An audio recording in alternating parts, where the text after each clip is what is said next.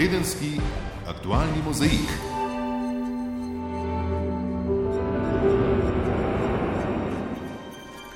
Dober dan. Ta teden je marsikdo spet svobodno zadihal, saj je bila uradno razglašena epidemija COVID-19 v nedeljo preklicana. Osnovne šole so se vrnili še preostali učenci, počasi se vrača javni potniški prevoz, vrata so odprli mnogi do nedavno zaprti javni prostori, med drugimi tudi preostali varstveno delovni centri po državi, ki skrbijo za ljudi, ki rabijo posebno skrb. Milan Hafner, predsednik sveta staršev VDC Kran. Naši otroci so tudi navajeni tega ritma, v VDC-ju se odlično počutijo in jim je to manjkalo. To tudi staršem, ki so bili zdaj obremenjeni, to so le starejši starši večina in so bili zdaj obremenjeni 24 ur. Dovoljene so javne prireditve z do 200 udeleženci, delo sodišč in upravnih enot se vrača v normalno kolesje. Odprle so se meje sosedno Avstrijo, tudi za Hrvaško in Mačarsko ni omejitev, o odpiranju meje z Italijo pa je zunani minister Anže Logar po srečanju z italijanskim kolegom Luigijem Di Majem povedal. Glede na pregled in trend eh, dogajanja in zdravstvenega stanja eh, v sosednji državi, lahko oba z optimizmom zreva proti 15. juniju, to je tudi rok, ki ga je postavila Evropska komisija.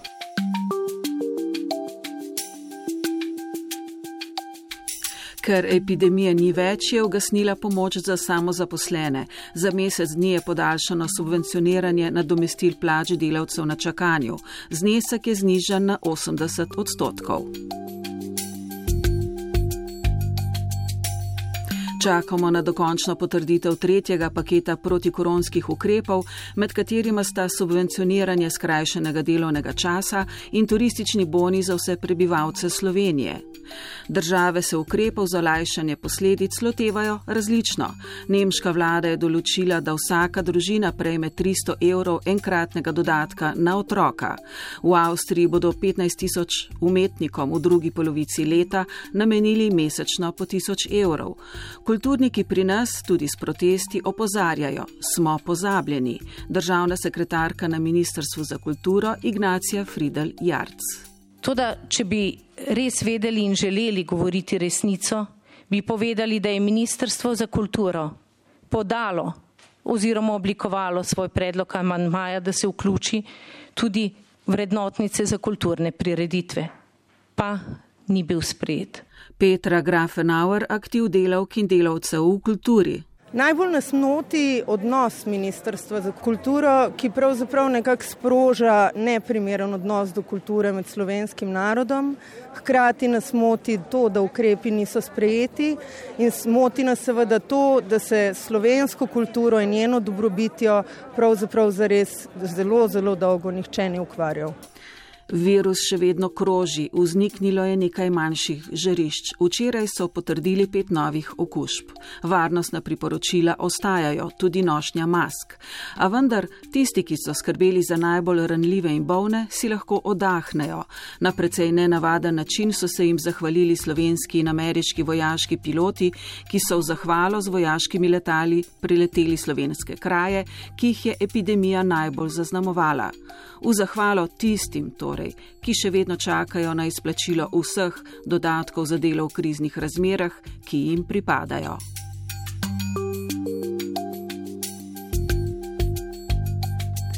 Delo tistih v, kot rečemo, prvih bojnih vrstah je bilo naporno, tudi v domovih za starejše, ki so bili tako kot v večini drugih držav največja žarišča okužb. Posledično je bilo tudi smrtnih žrtev največ med oskrbovanci, pri nas kar približno 80 odstotkov. Večina je umrla v domu in ne v bolnišnici. Ali so oskrbovance res delili na tiste, ki bi bili ob morebitni okužbi napoteni v bolnišnice in na tiste, ki bi oziroma so so ostali v domu. Pristojni to ustrajno zavračajo in napovedujejo strokovni nadzor. Oskrba ranljivih starejših v domovih je gotovo občutljivo vprašanje, ki terja vso pozornost. Suzana Kolbel, hči enega od oskrbovancev, je v televizijski oddaji Tarča na kratko povedala bistveno. Življenje vsakega 90-letnika šteje, vsak dan. Vsak tak dan še toliko bolj, ker je na izteku. Pa še marsikaj, marsikatero modrost nam imajo zapovedati. To niso neki ljudje, ki jih je treba več nasmeti. Oziroma, kdo si je vzel pravico, da jim bo te dneve odrekel? Kdo? Gre za pravico slehernega med nami in dolžnost, da zaščitimo najbolj ranljive otroke in starejše. Tudi v Združenih državah Amerike se na množičnih protestih, žal pospremljeni tudi z nasilnimi izgredi, sklicujejo na pravico.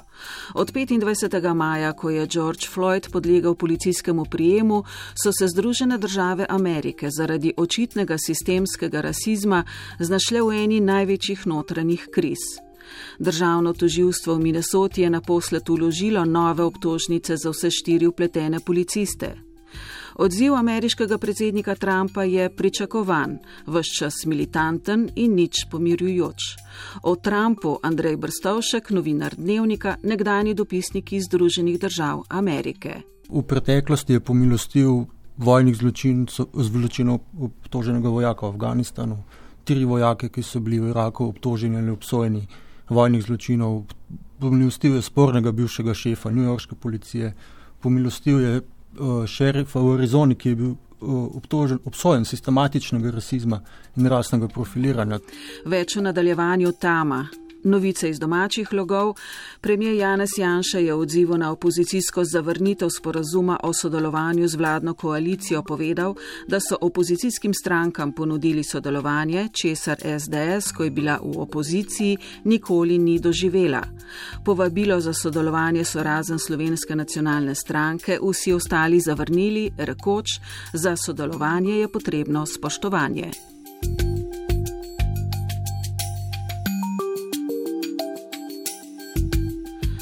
Odstopil je stalni posvetovalni odbor za podnebno politiko pri predsedniku republike Pahorju. Dušan Plut je v imenu odbora kot glavni razlog navedel predsednikovo neodzivnost ob potrditvi nove intervencijske zakonodaje, ki omejuje možnosti nevladnih okoljskih organizacij pri zaščiti narave in okolja. Smo pričakovali tukaj ker je predsednik zadnji podpisnik, da bo vsaj kakšen dvom ali kar podobnega ali pa se ne bo strinjal za sprejetjem te zakonodaje. To se ni zgodilo in kot zaščitniki eh, okolja, narave in podnebja enostavno nismo mogli iti preko tega. Stop je dokončen in soglasen, kar je zelo, bom rekel, ilustrativno. Ne. Žal preteklosti ne moremo spreminjati, lahko pa spremenimo prihodnost, je povedal predsednik Pahor ob Breznu v Kočevskem rogu, kjer je bila slovesnost ob 75. obletnici povojnih pobojev in 30. obletnici prve spominske maše za žrtve revolucionarnega nasilja. Takrat sta se žrtvam poklonila Načkov Šuštar in predsednik Kučan. Danes sta Pahor in premijer Janša v smrečju pri Turjaku položila venca k spomeniku žrtvam žrtvam NOB.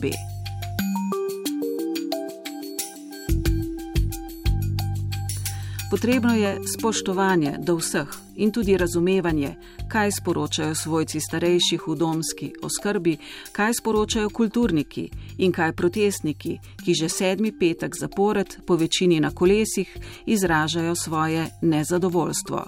Kolesarili so tudi v Mariboru. Naj se sliši glas naroda pač spodkopavanje demokracije. Imam eh, otroke, imam vnukice in mi ni vseeno, kaj bo z njihovo bodočnostjo, ker zdaj, tako kot je, nimajo nobene svetle bodočnosti. Tedenski aktualni mozaik. Kot kažejo gospodarske napovedi evropskih in tujih finančnih institucij, se bo gospodarska aktivnost v Sloveniji letos skrčila za 7 do 9 odstotkov. Po katastrofalnih napovedih konec marca so se razmere, kot kaže, vsaj za zdaj nekoliko umirile. Kakšen rebalans proračuna bi morala vlada v teh negotovih časih pripraviti, da se čim bolj odločno odlepimo od dna in v kolikšni meri aktualni vladni ukrepi dejansko delujejo v praksi, pa v pogovoru v Urške Jereb z ekonomistom dr. Markom Jakličem. Ne samo v Sloveniji, tudi v Evropi so uh, podobni ukrepi prijeli. Če primerjamo rezultate Evrope in ZDA, vidimo, da se v Evropi nezaposlenost ni bistveno povečala, medtem ko se je v ZDA uh, bistveno povečala. Tako da ti ukrepi so pripomogli k temu, da se ni zgodila tista tisti uh, najhujši padec, ki je bil pričakovan, če se spomnite, dva meseca nazaj smo se pogovarjali o tem, da je možno, da slovenski uh, bruto domači proizvod nekje na koncu leta pade med 5 in pa 20 odstotki. Zdaj smo bolj nekje pod 10 odstotki, se pravi nekje med 7 in pa 9 odstotki. To je tista uh, verjetna številka. So pa seveda pred nami zelo turbulentni časi, tako v letošnjem letu, kot v, v naslednjih letih.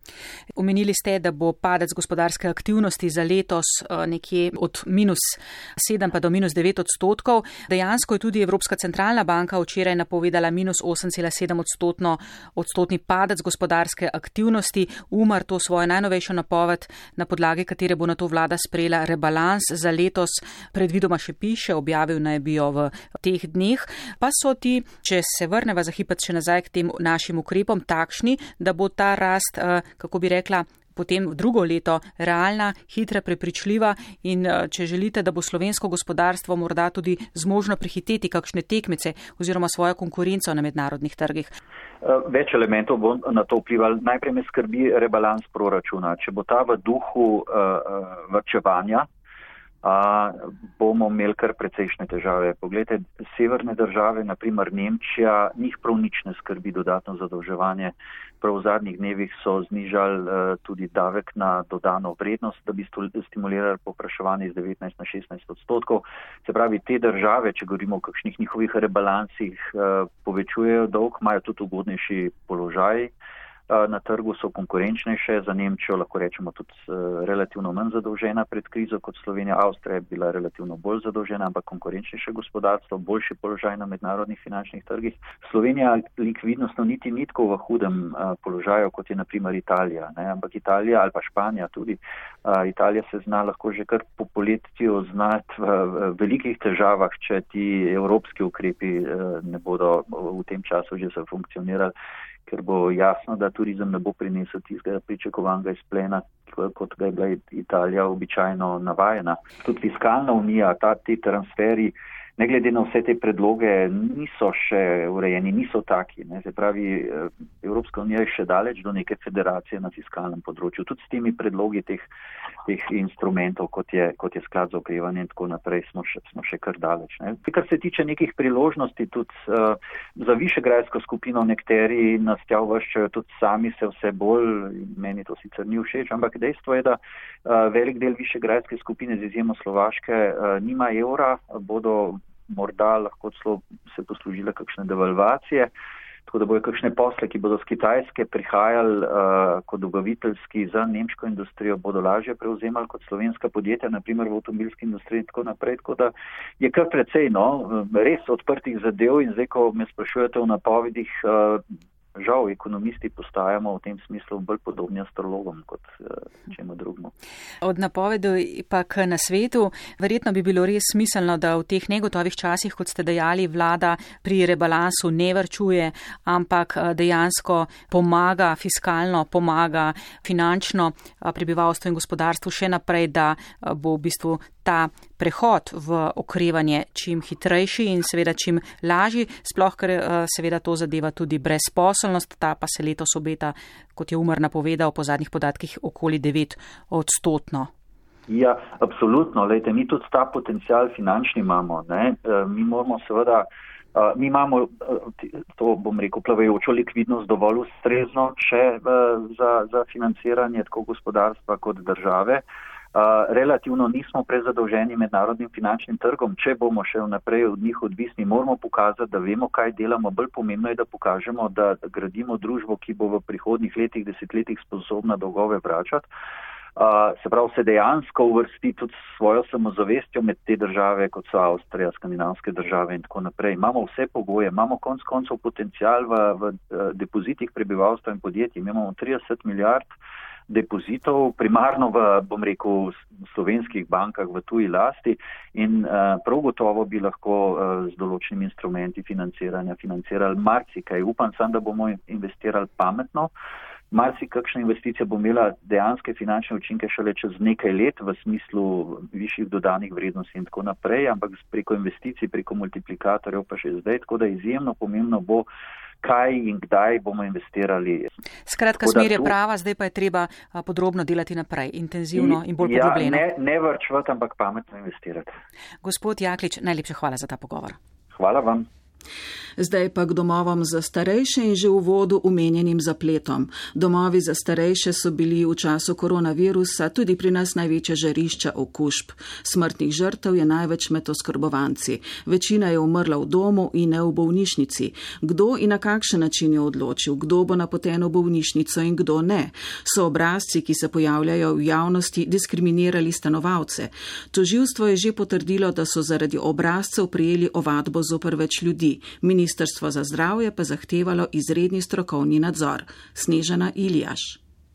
Ministr za zdravje Tomaš Gantar odločno zavrača pripravo takšnih seznamov. Domovom oziroma koordinatorjem za izvajanje zdravstvene dejavnosti so posredovali zgolj en obrazec, tako imenovani vložni list, ki bi ga pravzaprav moral imeti vsak oskrbovanec in bi ga priložili kartoteki, predvsem kot pomoč zdravniku glede nadaljnega zdravljenja oskrbovanca. Nujna informacija za zdravnika, ki se sreča z akutno obolelim, da ve, v kakšnem stanju je bil človek oskrbovanec, kdorkoli že, pred obolelostjo. Koordinatorka Ministrstva za paljativno oskrbo Mateja Lopuh, ki je tudi pripravila omenjeni obrazec o njegovi uporabi, še bolj nazorno. Ne vem, če si predstavljate situacijo, ko pride zdravnik ob treh po noči, nima na voljo vse dokumentacije, zraven ima stanovalca, ki že težko diha, ki se duši, ne, ne ve, ali gre to za osnovno napredovalo bolezen, zaradi katere stanovalec čist po poteku te bolezni lahko tudi umre, ali gre za poslabšanje zaradi novo nastale okužbe. Skratka, pogleda list, kjer so izpisane diagnoze, opis stanja stanovalca, kakšen je bil pred tem poslabšanjem. Jaz mislim, da težko rečete, da je to namenjeno ravno odstrelu. Nekdani minister za zdravje Dušan Keber je nasprotno prepričan, da je šlo za protokol, za načrt, da se bodo starejši ljudje praviloma zdravili v domu. Mi smo sistematično želeli zmanjšati pritisk na bolnišnice. Kdor je potreboval bolnišnično zdravljenje, ga je dobil, zatrjuje koordinator za izvajanje zdravstvene nege v domovih za starejše in direktor klinike Golnik Aleš Rozman. Na nobeni točki seveda nismo zapirali poti v bolnišnico tistim, ki so bolnišnično obravnavo potrebovali. In to niso bili neki formulari, ki bi komorkoli preprečevali prevoz v bolnišnico ali pa da bi ga obravnavali eh, kot da, je, vem, da si ne zasluži te nege in skrbi. Sej pa ob tem treba zavedati, opozarja Rozman. Prevoz v bolnišnico še ne pomeni avtomatsko boljšega izhoda oziroma da se bo bolnik kar pozdravil. Tudi v bolnišnici smo v večini primerov lahko nudili isto stopnjo nege oziroma ista zdravila kot v tistih domovih, kjer bolniki niso bili premečeni in tudi v bolnišnicah so bili izidi za mnoge od njih neugodni. Ali je bilo pri vsem tem res kaj spornega, ali je more biti res šlo za diskriminacijo oskrbovancev, ali pa so bila zgolj nejasno podana navodila, bo več znanega po upravljenem izrednem strokovnem nadzoru, ki ga je v enajstih domovih zahtevalo Ministrstvo za zdravje. Da so bila premalo natančna navodila, meni tudi domski zdravnik Igor Muževič, obrazec pa za naj ne bi bil sporen. Obrazec sam po sebi za paljativni načrt ni problematičen, tudi piše, da morajo biti svojci obveščeni in da se to uh, dogovarja v sodelovanju s svojci. Če pa se je kjerkoli druga, dogajalo drugače, namreč problematični so trije domovi bili, vemo kateri, je pa to na vsak način potrebno strokovni nadzor opraviti in razložiti tudi pred javnostjo, kaj se je v resnici tam dogajalo. Sam, sama navodila res niso tega zahtevala. Težava v domovih je, da nimajo stalne ustrezne zdravstvene oskrbe in postali so poceni nadomestek negovalnih bolnišnic, saj jim zdravstvena zavarovalnica nameni precej manj denarja. Skupnost socialnih zavodov Denis Zahrnik. Nismo postali negovalna bolnišnica primerljivi z številom kadra in tudi ne z načinom financiranja. V bistvu so domovi poceni za državo, na drugi strani so pa zelo dragi za stanovalce njihove svojce. In še ena prava težava je, opozarja Igor Muževič. Če se pa pogovarjamo o kakršnikoli resničnih listah za odpis, jih pa imamo že par desetletij v Sloveniji, namreč najbolj renljive, krhke skupine starostnikov imajo toliko premalo časa. Normativi so takšni, da jih celostno ne moramo obravnavati. In to ne v domovih, ne v bolnišnicah. Obravnava starostnikov, ne glede na to, ali imajo novi koronavirus ali kakšno drugo bolezen, predstavlja sistemski problem, ki že vrsto let kliče po spremembah. Potrebni so kadri, finance, potrebna je zakonska podlaga v dolgotrajni oskrbi, predvsem pa je potrebno začeti ukrepati takoj, že danes. Ostajamo pri koronavirusu, ni še poniknil, v šolske razrede so se vrnili še preostali osnovnošolci, ob strogih v določenih primerjih tudi težko izvedljivih zaščitnih ukrepih sta pouk in šolski vsak dan potekala večinoma nemoteno, to pa ne velja za učence tretjega razreda Mariborske osnovne šole Ludvika Plibrška in drugega razreda osnovne šole Prežihovega Voranca na Jesenicah. Oboji so namreč morali v karanteno. Dejan Rad. V ponedeljek so se v slovenskih šolah učencem prve triade in devetošolcem pridružili četrtošolci in petošolci, in za večino je bilo snidenje z vrstniki težko pričakovano tudi na osnovni šoli v Brežicah. Všeč mi je, da sem videla prijateljice, pa v šoli, da še kaj osnov trdimo. Sem vesel, sem je vse ful drugač. Učilce imajo maske, pohodniki se ne smemo zbirati. Tudi učiteljice smo zelo, zelo vesele, čeprav smo se srečevali na Zoomu, pisali, ampak vseeno je to drugače, ko se vidimo. O povratku preostalih osnovnošolcev so pristojni preklicali delitev razredov, učenci malice v učilnici. Nekaj težav pa je bilo z zagotavljanjem prevozov in v času kosil, predvsem od srede, ko so še zadnje prazne učilnice na šolah zasedli učenci od 6. do 8. razreda ko se vračajo vsi učenci v šole, se vseh priporočil skoraj da ne mogoče držati. Nekako nam je to eh, lažje oziroma je uspevalo, ko smo imeli samo prvo triado in kasneje deveti razred, eh, doseči, da bo primerna fizična distanca in vsi ostali eh, pogoji zadovoljeni je res, res težko. Je pojasnila vodja kolegija ravnateljev Mariborskih osnovnih šol Mojca Kirbiš. Tegobe ravnateljev pa niso vplivali na učence višjih razredov, tudi na osnovni šoli v Cerknem. Ja, veselim se vrniti v šole, ko bom končno videl vse prijatelje. Da bomo tudi lahko videli takoj, kajšna razlaha, ker rečemo, rečemo nadaljavo in ne moremo. Se dejansko je kot da bi bil normalen pok, da pa hodniki hodimo z maskami. Začasna izolacija je hitro utonila v pozabo. Vrnitev v šolo pa je manj stresna, saj je bila večina ocen že zaključenih, pouk pa prilagojen. Državni sekretar na Ministrstvu za izobraževanje, znanost in šport Damir Orehovec pa ob tem dodaja. Se odsvetuje, da bi se hitelo in eh, se čim več snovi, ki do zdaj ni bila predelana, predelala, ampak naj bo povratek v šolo predvsem namenjen socializaciji in pa v prvi vrsti eh, preverjanju in otrjevanju tega, kar so v tem eh, času izobraževanja nadaljavo počeli.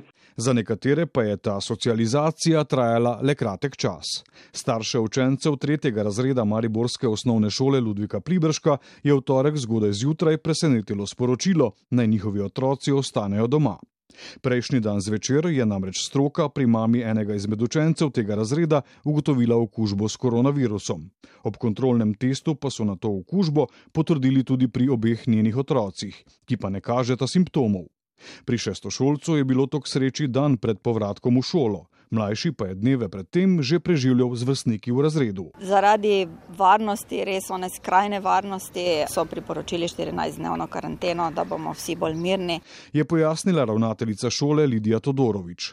Vseh 18 učencev in razredničarka je moralo v karanteno, za preostale poteka pouk nemoteno. Nekaj staršev pa je otroke kljub temu zadržalo doma nekateri čisto preventivno, drugi pa zaradi kroničnih bolezni pri otroku ali v družini.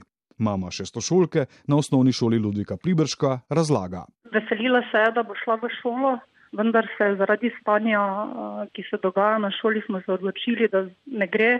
Upam, da bo se septembra situacija izboljšala. Po Mariboru se je na las podobna zgodba pred koncem tedna zgodila tudi na osnovni šoli Prižehovega Voranca na Jesenicah. Prenos okužbe z matere na otroka. V izolacijo pa so tam zato poslali celoten drugi razred. Epidemiologinja Sanja Vuzem. Pomeni, da mora otrok ostati doma, se uh, odsvetujejo uh, kakršnikoli obiski, spremlja se njegovo zdravstveno stanje in tudi z drugimi družinskimi člani. Kolikor je le možno, se odsvetujejo tesnejši stiki. Kaj kmalo bi šolsko leto končali tudi v razredih na dveh ljubljanskih šolah. V tretjem primeru okužbe starša ni prišlo do prenosa na otroka. Po petkovem preventivnem izostanku od pouka se tako šolari v ponedeljek vračajo v šolske klopi. V Nacionalnem inštitutu za javno zdravje sicer še niso odkrili izvora okužbe, v vseh treh primerjih pa gre najverjetneje za vnos iz tujine. Predstojnik Centra za nalezljive bolezni Marijo Fafangel pa ob tem dodaja. Tako bomo delali še naprej za čisto vse primere, ki se bodo dogajale v naslednjih dneh, kar je pričakovano. Na srednjih šolah so se na srečo izognili koronavirusu, vsa pozornost pa je bila usmerjena v maturo. Več kot 15 tisoč maturantov se je ta teden spoprijelo z izpitnimi polami iz materinščine. V redu je šlo boljško pričakovano. Meni je šlo v redu veliko boljško, kar pa angliščini recimo. Dijaki od prvega do tretjega letnika pa se, kljub pomislekom stroke, še naprej šolajo nadaljavo a na ministrstvu še premlevajo možnost, da bi se v taki ali drugačni obliki vrnili v šole še pred koncem šolskega leta. Ali bo to samo, da bodo prišli pospričevala ali bodo se tudi kaj prevrnili, pa ta hip vam ne znam odgovoriti. Je razmišljanje pristojnih povzel državni sekretar na Ministrstvu za izobraževanje, znanost in šport Damir Orehovec. Na meji s Hrvaško je slovenska policija ta teden izvajala poostren nadzor, ki ga je odredil vršilec dožnosti generalnega direktorja policije Anton Travner. Na mejo so tako napotili dodatnih tisoč policistov, pri nadzoru meje pa policisti uporabljajo vsa tehnična sredstva, ki jih imajo na razpolago. Enako kot do zdaj pa policiji na meji pomaga tudi vojska. No, za nekaj dodatnih pojasnil je z nami Robert Škrjanc. Pozdravljen. Pozdravljeni. Eh, na notranjem ministrstvu in policiji pravijo, da gre pri akciji, ki bo potekala do konca tedna, predvsem za sporočilo migrantom in organizatorjem nedovoljenih migracij. Je tako? Ja, akcija, ki pa se v bistvu ni končala včeraj in to bo po zagotovilih notranjega ministra Leša Hojsa trajalo tudi v prihodnje, Ampak ta akcija ni toliko namenjena samim varnostnim potrebam, res da se je število ilegalnih prehodov v zadnjih dneh nekoliko povečalo, ampak lahko na njo gledamo bolj v luči nekakšnega PR-ja policije, s katerim želi ta migrantom in organizatorjem nedovoljenih migracij sporočiti, da se iskanje nezakonitih poti preko Slovenije enostavno ne izplača. Akcija pa je seveda namenjena tudi slovenski javnosti in nosi sporočilo, da smo v času COVID-a kar nekoliko pozabili na to, da migranska kriza ni končana, da se bo ta stopnevala, še posebej v poletnih mesecih, in da je torej aktiviranje 37. člena in dajanje policijskih pooblastil vojski še kako aktualno. Torej, nekakšna predpriprava politike, ki bo očitno šla v nov krok pridobivanja dvotretinske večine za tak ukrep. A podatki zaenkrat kažejo, da so policisti glede na enako obdobje lani obravnavali kar četrtino manj ilegalnih prehodov meje. V prvih štirih mesecih so jih obravnavali toliko, kot so jih naprimer samo lani meseca avgusta. Ne glede na vse pa je jasno, da se bo trend, sedaj po končani korona krizi, ko so bili tudi migranti v begunskih centrih v nekakšnih karantenah in po počasnem odpiranju evropskih meja, zagotovo migracijski tok povečal. Na to naj bi opozarjali tudi obveščevalni podatki, ki opozarjajo na to, da v Bosni za prehod v Evropo čaka okoli 10 tisoč prebežnikov, v Srbiji je prav tako okoli 10 tisoč prebežnikov, ki želijo naprej v Evropo. Če k temu prištejemo še tiste migrante, ki čakajo v Grčiji, pa bi lahko govorili o številki tja do 90 tisoč. Policija pravi, da pri nadzoru meje sedaj uporablja vsa tehnična sredstva, ki jih ima na voljo. Za kakšna sredstva gre? Ja, migranti se v veliki večini izogibajo naseljenim območjem, gibljajo se predvsem po noči, po gozdnih poteh in večinoma po neprehodnem terenu, medtem ko podnevi počivajo na prikritih lokacijah. Tako da je za njihovo odkritje nujna uporaba tehničnih sredstev, kot so naprimer različni videonadzorni sistemi in kamere za zaznavo gibanja, termovizijske kamere, pa naj bodo to stacionarne, mobilne ali ročne, Tokrat imajo policisti tudi dodatno podporo iz zraka s pomočjo helikopterjev in dronov, ki jih policija vedno več uporablja. Je pa zanimivo, da so tokrat v akcijo vključili tudi več tako imenovanih debrieferjev, torej policistov, ki opravljajo temeljit razgovor z osebami, ki so ilegalno prestopile meje in pri tem dobijo dodatne, kvalitetne informacije o poteh in organizatorjih nedovoljenih migracij, kar je v nadaljevanju osnova za analitično obdelavo in kriminalistično preiskavo. Poleg poostrenega nadzora skušajo zajeziti ilegalne prehode meje tudi z dodatno izgradnjo ograj na meji, kjer pa smo priča zanimivi situaciji, da nekateri slovenski župani navijajo za ograjo, njihovi hrvaški kolegi in sosedje pa ne. Konec maja je bilo sicer postavljenih okoli 183 km ograje, od tega 96 km rezilne žice. Naj povemo, da v času korona krize Slovenija ni sprejemala prošen za azil, zaradi česar je bil precej kritičen tudi varoh človekovih pravic. Ja, država ni sprejemala prošen za mednarodno zaščito med 29. marcem in 1. majem in sicer zato, ker bi v tem primeru prišlo do neposrednega stika in ustnih obravnav in s tem do možnosti korona okužb. Zato so sprejemali le vloge za ranljive skupine, do konca aprila so sicer 50 jim priznali status, skoraj 400 tim so ustavili postopek, ker jih ni bilo več v Sloveniji, 216 jim pa so prošnje zavrnili. Medtem pa na Ministrstvo za notranje zadeve intenzivno pripravljajo nekatere spremembe tujske zakonodaje ter zakonodaje o mednarodni zaščiti. Rešitve so obljubljali tja do konca maja. Boštjan Šefic, ki pripravlja vse te spremembe, pa je pred časom za naš radio tudi potrdil, da bo ministrstvo vnovič odprlo člen 10b zakona o tujcih, ki ga je ustavno sodišče oktobra lani razveljavilo, ker je v obdobju zaostrenih migracijskih razmer Slovenijo omogočal vračanje migrantov v sosedne države brez individualne obravnave. Tako rešitev namreč ponovem omogoča stališče Evropskega sodišča za človekove pravice, ki je februarja v primeru Španije menilo, da skupinsko vračanje migrantov, ki so nezakonito prestopili meje, ni nezakonito. Poti zagate išče tudi Evropska komisija, ki bo v prihodnjih dveh tednih predstavila nov migracijski in azilni pakt, ki naj bi utrl poti slepe ulice, v kateri se je pred leti znašla reforma Evropskega azilnega sistema in to prav zaradi nasprotovanja višegrajskih držav obveznim migracijskim kvotam. No sedaj se je z novo vlado tej skupini skupaj z Estonijo in Latvijo pridružila tudi Slovenija, ki prav tako odločno nasprotuje obveznemu premeščanju migrantov med članicami Evropske unije. Je pa naša država, po besedah ministra Hojsta, pripravljena pomagati kako drugače, pri tem pa Hojs izpostavlja večjo vključenost policije na zunanjih mejah ali dodatno sodelovanje v Frontexu. Premeščanje pa bi bilo možno zgolj in samo na prostovoljni osnovi. Robert, hvala za ta pojasnila. Prosim. Tedenski aktualni mozaik. Nemška kanclerka Merklova je pred časom napovedala, da bo njena vlada na krizo odgovorila pogumno. Paket, ki so ga sprejeli ta teden, to potrjuje, kar vladi priznavajo ekonomisti in celo opozicija. Vse so presenetili z napovedjo, da bodo za šest mesecev znižali davek na dodano vrednost z 19 na 16 odstotkov, družine bodo dobile dodatek 300 evrov na otroka, avtomobilska industrija pa ni uspela z lobiranjem za nakupne premije za vsa vozila. Novi Novi paket v vrednosti 130 milijard evrov je popoln preobrat nemške fiskalne politike, poroča Polona Fjauš.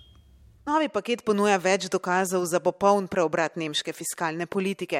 Spomnimo, v prejšnji krizi so posegli po varčevanju. Varčevalni ukrepi na vseh področjih, manj investicij, skoraj nič zadolževanja. Skratka, zategovanje pa so na vseh področjih. Tokrat nemška vlada gospodarstvo in socialno najšipkejše dobesedno zalaga z denarjem. Takole je ukrepe na nemški javni televiziji ARD pojasnila nemška kancerka Angela Merkel. Da mussten wir mutig reagieren, um dem etwas entgegenzusetzen. Morali smo se odzvati pogumno, da se zoprstavimo temu, ker se želimo vrniti na pot blaginje, kar se da hitro. To pa pomeni, ljudje morajo imeti sredstva za nakupe. To pomeni, da moramo ohraniti delovanje gospodarstva, da se ustvarjajo nova delovna mesta in da si ljudje lahko privoščijo, da kupujejo. Ljudje morajo imeti predvsem zaupanje, pravi finančni minister Šolc. Ukrepi, s katerimi krepijo zaupanje in s tem spodbujajo potrošnjo, so naslednji. Znižanje davka z 19 na 16 odstotkov za šest mesecev. Tega ni pričakoval ali napovedoval nihče. Gre za ukrep, ki bo stal največ denarja, a od njega imajo koristi vsi, od socialno najšipkejših do tistih z višjimi prihodki. Finančni minister Olaf Scholz iz socialdemokratske stranke. Zdaj, ko je konec ukrepov, moramo poskrbeti, da bodo vsi imeli pogum, da investirajo in da se potrošnja zviša. Zelo sem zadovoljen z odločitvijo, da znižamo davek na 16 odstotkov in upam, da bodo številni to izkoristili. Ob tem želimo pozoriti. Pričakujemo, da podjetja tega ne bodo izrabila kot izgovor, da zvišajo cene ali da znižanje davka izkoristijo zase. Potrošniki so tisti, ki morajo čutiti. Verbraucherinnen und Verbraucher den Vorteil unmittelbar haben. Das muss auch sein. Podoben učinek želijo doseči z enkratnim otroškim dodatkom. Vsaka družina prejme 300 evrov za vsakega otroka. Hkrati namenjajo 3 milijarde evrov za širitev vrtcev in podaljšanega bivanja v šoli. Za starše samohranilce so predvidene davčne olajšave. Še en ukrep za socialno najšipkejše je vložek 11 milijard evrov, da se cene elektrike v prihodnosti ne bodo zvišale, kar bi bilo sicer neizogibno.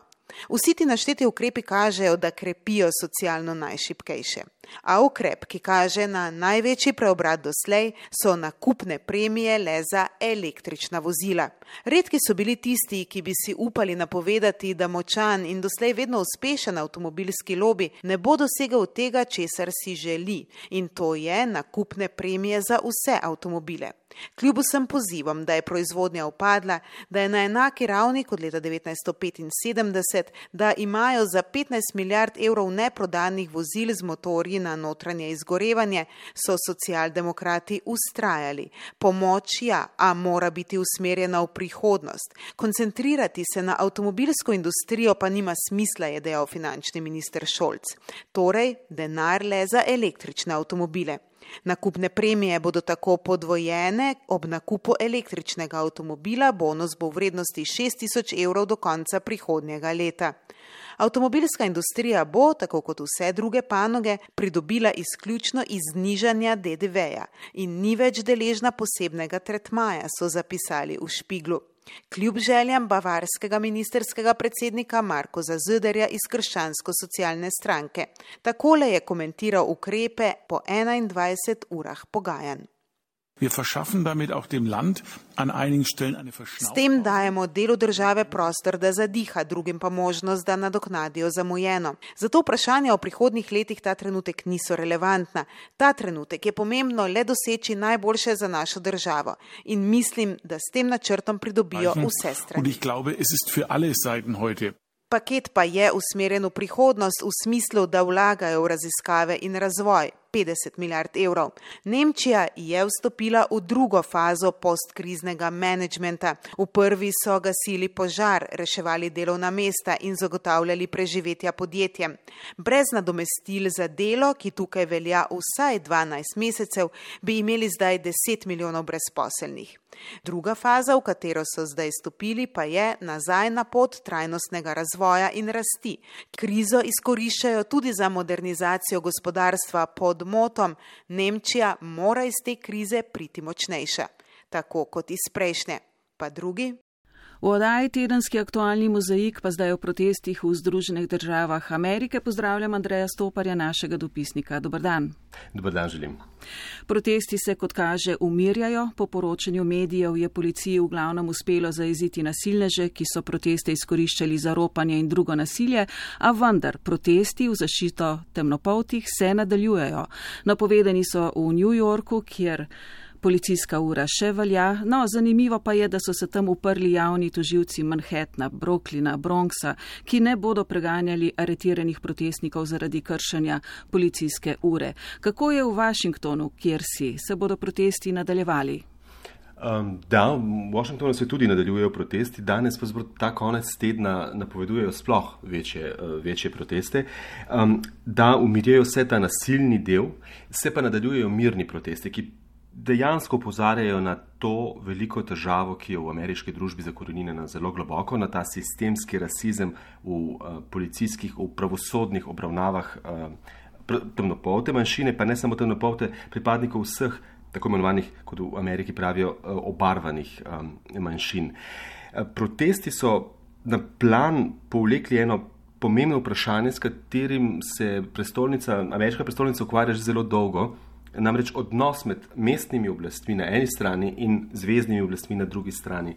Uh, Washington, čeprav seveda kot glavno mesto, bogato mesto, ima kar veliko socialnih težav, tudi mestni proračun je mm, relativno majhen, zato se sooča s določenim škripanjem um, infrastrukture javne, zlasti v vzhodnih in jugovzhodnih predeljih mesta in predvsem ni ustrezno zastopan na federalni ravni, kar zadeva kongres in senat.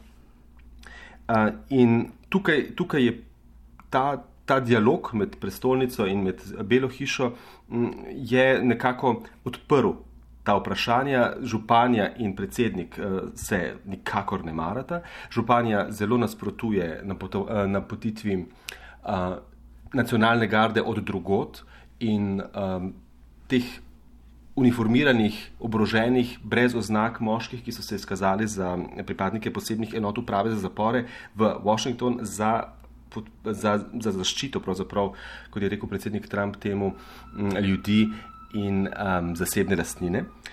Župan je zahteva, da ti vojaki odidejo. Nacionalni gardi iz Utaha je odpovedala gostoljubje v um, washingtonskih hotelih, kjer so bili nastanjeni. Um, Del ulice, 16. ulice, ki se je iztekal v trg pred Belo hišo, je preimenovala v življenja temnopoltih so pomembna, trg neke vrste.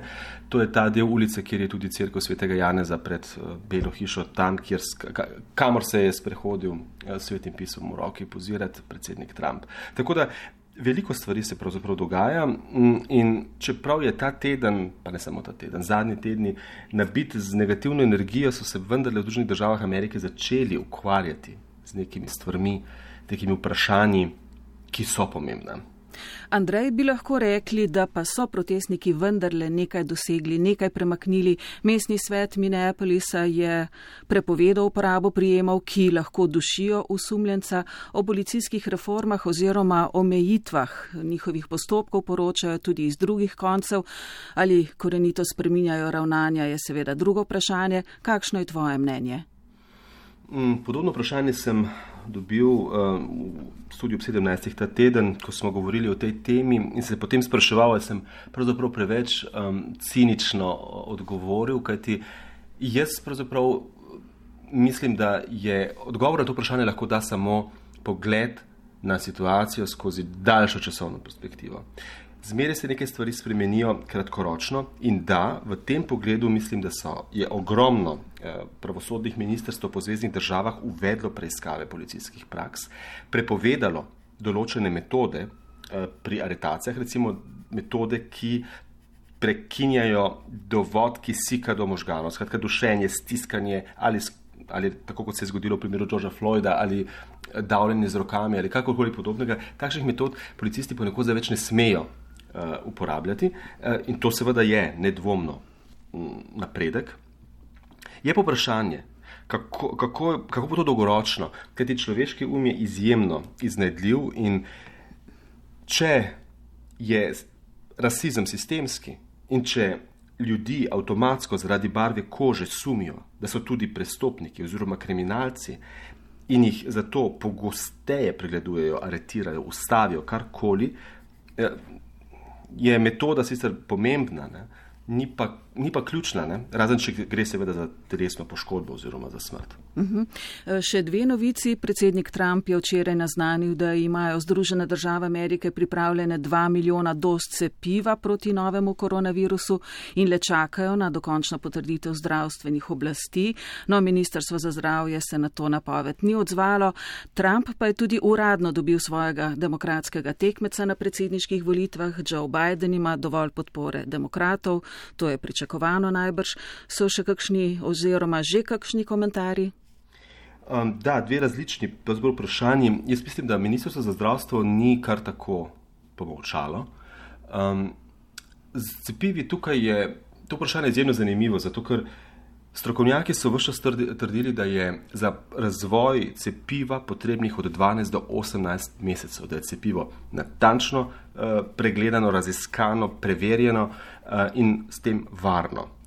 Seveda tukaj je neka olajševalna okoliščina, da so zdaj v, raz, v razvoj tega cepiva vložili disproporcionalno več denarja kot kadarkoli v katero koli cepivo in razvijajo ga zelo različne institucije, kar pomeni, da več glav več ve, lahko združijo moči, to je velik posel, zasluži se že tako ali tako veliko, tako da, da morda to skrajša to obdobje pa vendarle je to zelo hitro. Tako da um, mislim, da bomo s cepivi vendarle še morali počakati in biti zelo previdni. Kar pa zadeva demokratskega kandidata, da to je bilo pričakovano, ampak moment, da je relativno zgodaj uh, pred konvencijo, pred konvencijo, za katero se v demokratskem primeru niti ne ve točno, kdaj in kje bo in v kakšni obliki, kajti tisto prvotno načrt um, sredi julija v Milwaukeeju so odpovedali in predstavili na avgust, ampak vprašanje se pravi, kakšna bo oblika, ali bo to res množični kandidati prišli in tako naprej, vse zaradi pandemije COVID-19. Um, je pa pomembno, da je kandidat, kako naj rečem, legitimen, hitro izbran, hitro določen, kajti um, za nasprotnike predsednika Trumpa je izjemno pomembno, da ponudijo prepričljivo, argumentirano protikandidaturo. Vprašanje, sicer če je to kandidatura Joea Bidena, ampak um, javnomnenjske raziskave, do katerih seveda tudi moramo biti previdni, kajti leta 2016 so se zmotile, kar v lepem številu, oziroma ustvarile neko prepričanje, da bo izid volitev popolnoma drugačen, so naklonjene Bidenu bolj. Biden, tako rekoč po vseh raziskavah, ne prav vseh, ampak večini vodi, uh, ima dobre možnosti, ampak se pravi, 2016 je bilo leto kolosalnega presenečenja in zato se tukaj vsi zelo bojimo napovedovati nekaj zelo določenega vnaprej. Ampak v tem, tem trenutku kaže, da je večina javnega mnenja predsedniku vendarle ne naklonjena in da ne kaže, da bo ponovil mandat.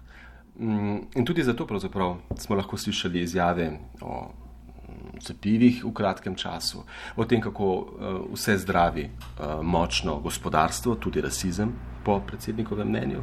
Um, tukaj vidimo, ne vem, leta, torej maja je stopnja brezposelnosti presenetljivo kar naenkrat nižja kot aprilska, čeprav smo vsi pričakovali, um, da bo višja, rekordna zaradi, um, zaradi um, prijavljanja brezposelnosti, statusa brezposelnosti, že 42 milijonov ljudi ga je prijavilo.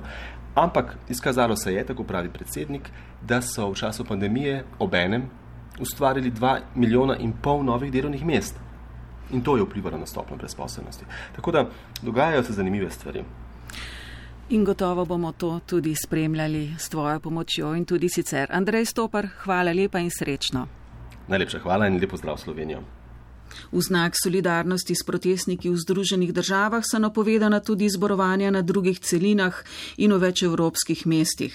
Več tisoč ljudi se je že zbralo v Sidneju, včerajšnjem vzhodu v Otavi se je pridružil kanadski premije. Luka Robida se je po nekaj pojasnil o rasizmu v Evropi odpravil na Inštitut za narodnostna vprašanja. Preseljevanje je staro toliko kot človeštvo, na novo prispeli pa so v nekaterih družbah dobrodošli bolj, v drugih manj. Ponekod pa nikakor ne, pa naj bodo osovraženi, ker so od drugot, ker živijo drugačno kulturo, ker drugače verujejo, ljubijo sebi enake ali pa so si sovražnost nakopali zgolj zato, ker je drugačna njihova pot. Rasa je v resnici družbeni, ne biološki koncept je v začetku najnega pogovora dejal profesor dr. Mitja Žagar, znanstveni svetnik na Inštitutu za narodnostna vprašanja in nadaljeval. Prav nobeno okolje na tem svetu ni imuno na pojav rasizma, na pojav ksenofobije, na pojav nacionalizma, zlasti v teh evropskih kontekstih, pa tudi nekaj širše. In tukaj je treba povedati, da ti pojavi obstajajo celo tam, kjer ti navidezni nasprotniki sploh ne obstajajo. Tako imamo, naprimer, rasizem tam, kjer dejansko skoraj da nimamo rasne raznolikosti.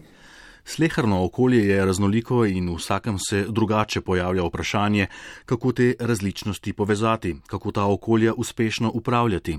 En model v ZDA je bila ideja talilnega lonca, v katerem naj se poskrbi za asimilacijo in kulturno prilagoditev. To v Ameriki seveda že dolgo časa ni več tako. Amerika je izrazito raznolika. Mogoče zaradi tega, ker je tipična imigrantska družba celo bolj raznolika kot večina evropskih družb znotraj državnih meja. Po drugi strani pa je napačna tudi predstava, da so te evropske družbe homogene. V resnici so tudi te evropske družbe precej raznolike. Čeprav mogoče v tem smislu, ko govorimo o rasnem ali pa o priseljevanju iz drugih eh, celin v manjši meri kot eh, Severna Amerika in zlasti Združene ameriške države.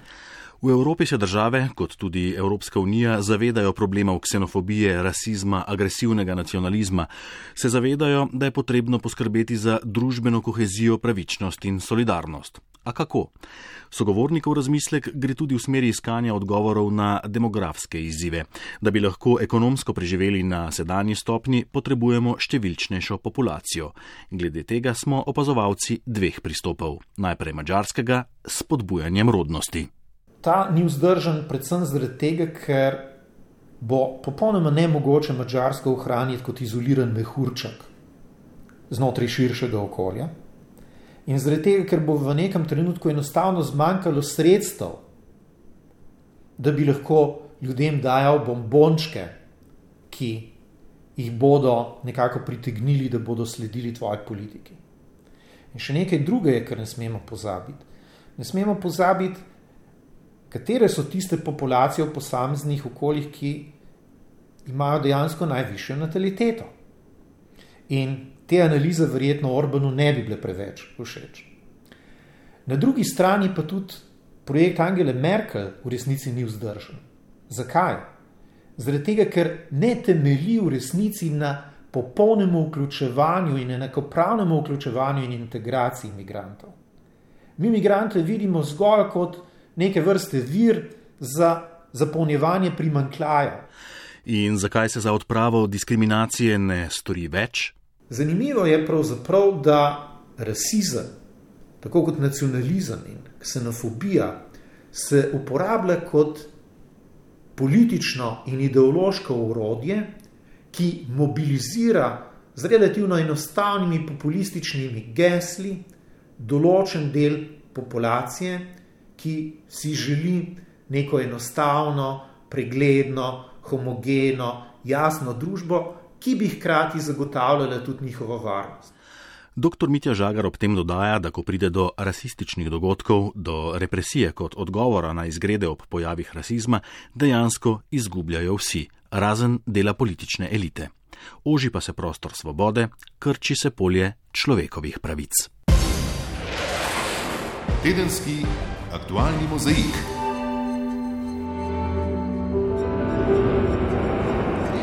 Poslušali ste tedenski aktualni mozaik, tudi prihodnji teden bo postregal z obilo dogodki, pa neh nekaj naštejem. Banka Slovenije bo predstavila napovedi gospodarskih gibanj za Slovenijo, državni zbor bo na izredni seji razpravljal o interpelaciji o delu in odgovornosti ministra za gospodarstvo.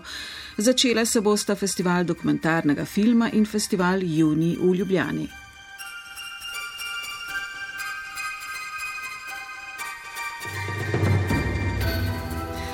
V ponedeljek na državni praznik Primoža Trubarja bomo v studiu ob 17. pozornost namenili vlogi in položaju kulture 470 let po prvi slovenski knjigi, 30 let po osamosvojitveni spomenici Društva slovenskih pisateljev ter teden dni po koncu epidemije.